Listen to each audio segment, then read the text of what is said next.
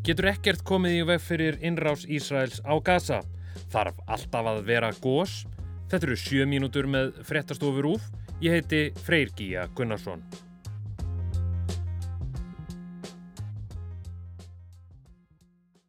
It's not always easy to speak in time like this. Þetta er too much eitt áhrifamesti múslimi og arabi heims. The escalations in the recent weeks is unbearable to witness. Næri 200 sinnum hefur hann fagnað marki fyrir liðsitt Liverpool með því að leggjast á bæn og þakka Allah.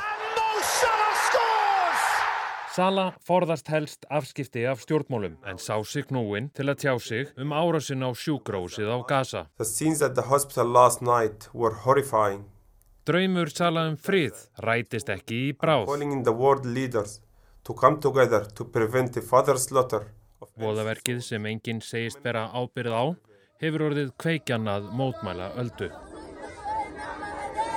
Það er mjög mikil spenna í Arabaheiminum. Það brutust út mikil mótmælið þarna kvöldi þriðudagsins þegar sjúkráðs og Gaza var sprengt og þá var talið að Ísælser hefði verið að verki og núna er deilt um það og kannski líklega að þetta hafi verið svona einhvers konar slísaskot frá Gaza. Þarna um kvöldið á þriðudaginn þá, þá skipti það engu, það voru allir komnir út og, og það urðu mikil mótmæli í mjög mörgum Arabalöndum, það voru á Vesturbakkanum, Jórdaníu, Tyrklandi, miklu víðar. Og svo setna í vikunni í, í Evrópu þar sem eru þetta sko, mörg og fjölmenn samfélag Araba. Og þetta er mjög hættuleg þróun. Es ist ganz klar, dass wir nicht hinnehmen werden und nicht hin, niemals Ólaf werden. Sjóls, kanslari Þýskalands, saði mikilvægt að koma í veg fyrir mótmæli sem að eh, fælu í sér gýðingahattur. Þetta er auðvitað sérstaklega viðkvæmt fyrir þjóðverja. Og þetta við séð miklu víðar. Það var uh, Molotov-koktölum kastað í bænahús gýðinga til dæmis og bandarækjastjórn gaf núna gerkvöld út viðurinn til allra ríkisborgara sem að higgja á einhver ferðalög, bara fara varlega. Þau eru að vara við árásum og það er líklega full ástæða til af því það gæti svoðið upp úr svo víða.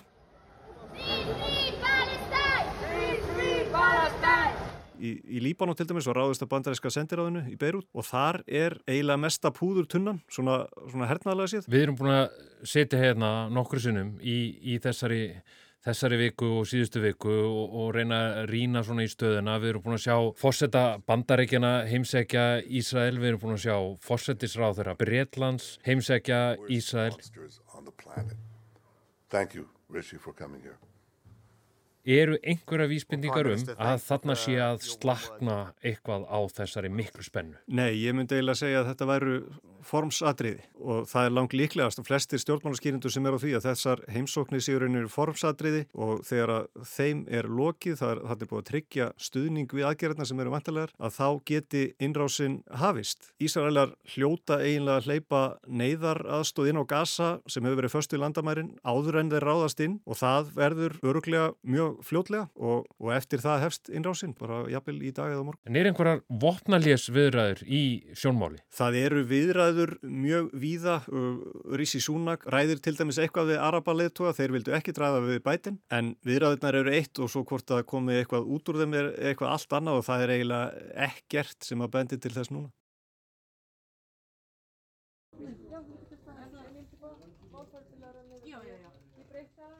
Á borði vastjóra fréttastofunar er ódýr Nokia sími sem alltaf er í hleðslu. Það er aldrei hringt í hann og hann gefur sjaldan frá sér hljóð. En þegar síminn gefur frá sér þetta hljóð, hækkar púls fréttamanna, en það getur þetta verið vísbendingu um að eitthvað stórt sé í vændum. Komið sæl, við flytjum ykkur þennan auka fréttatíma til að segja frá því að eldgófs hófst í Fagradalsfjall. Eldgós er hafið í meradölum, kvikuflæðið er alltaf... Þetta hefur ekki bara gerst einu sinni eða tvísvar, heldur þrísvar síðan 2021. Mart bendi til þess að fjórða eldgósið sé á leiðinni.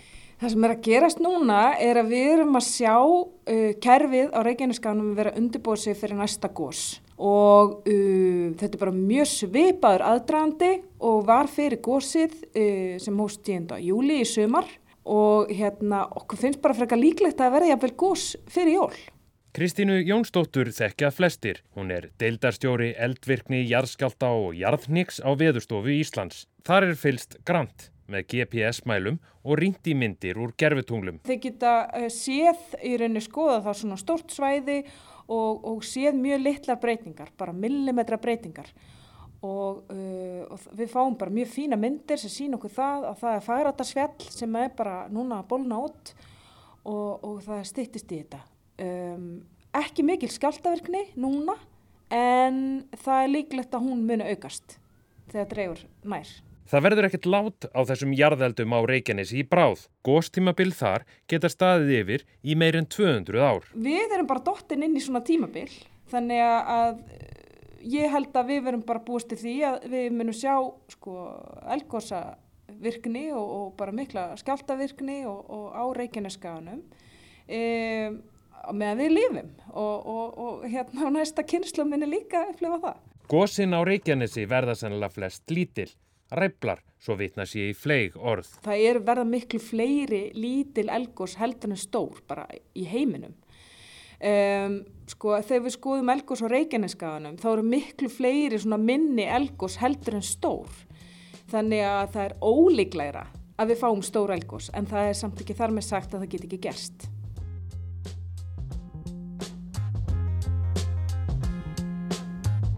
Þetta voru sjö mínútur með fréttastofu Rúf.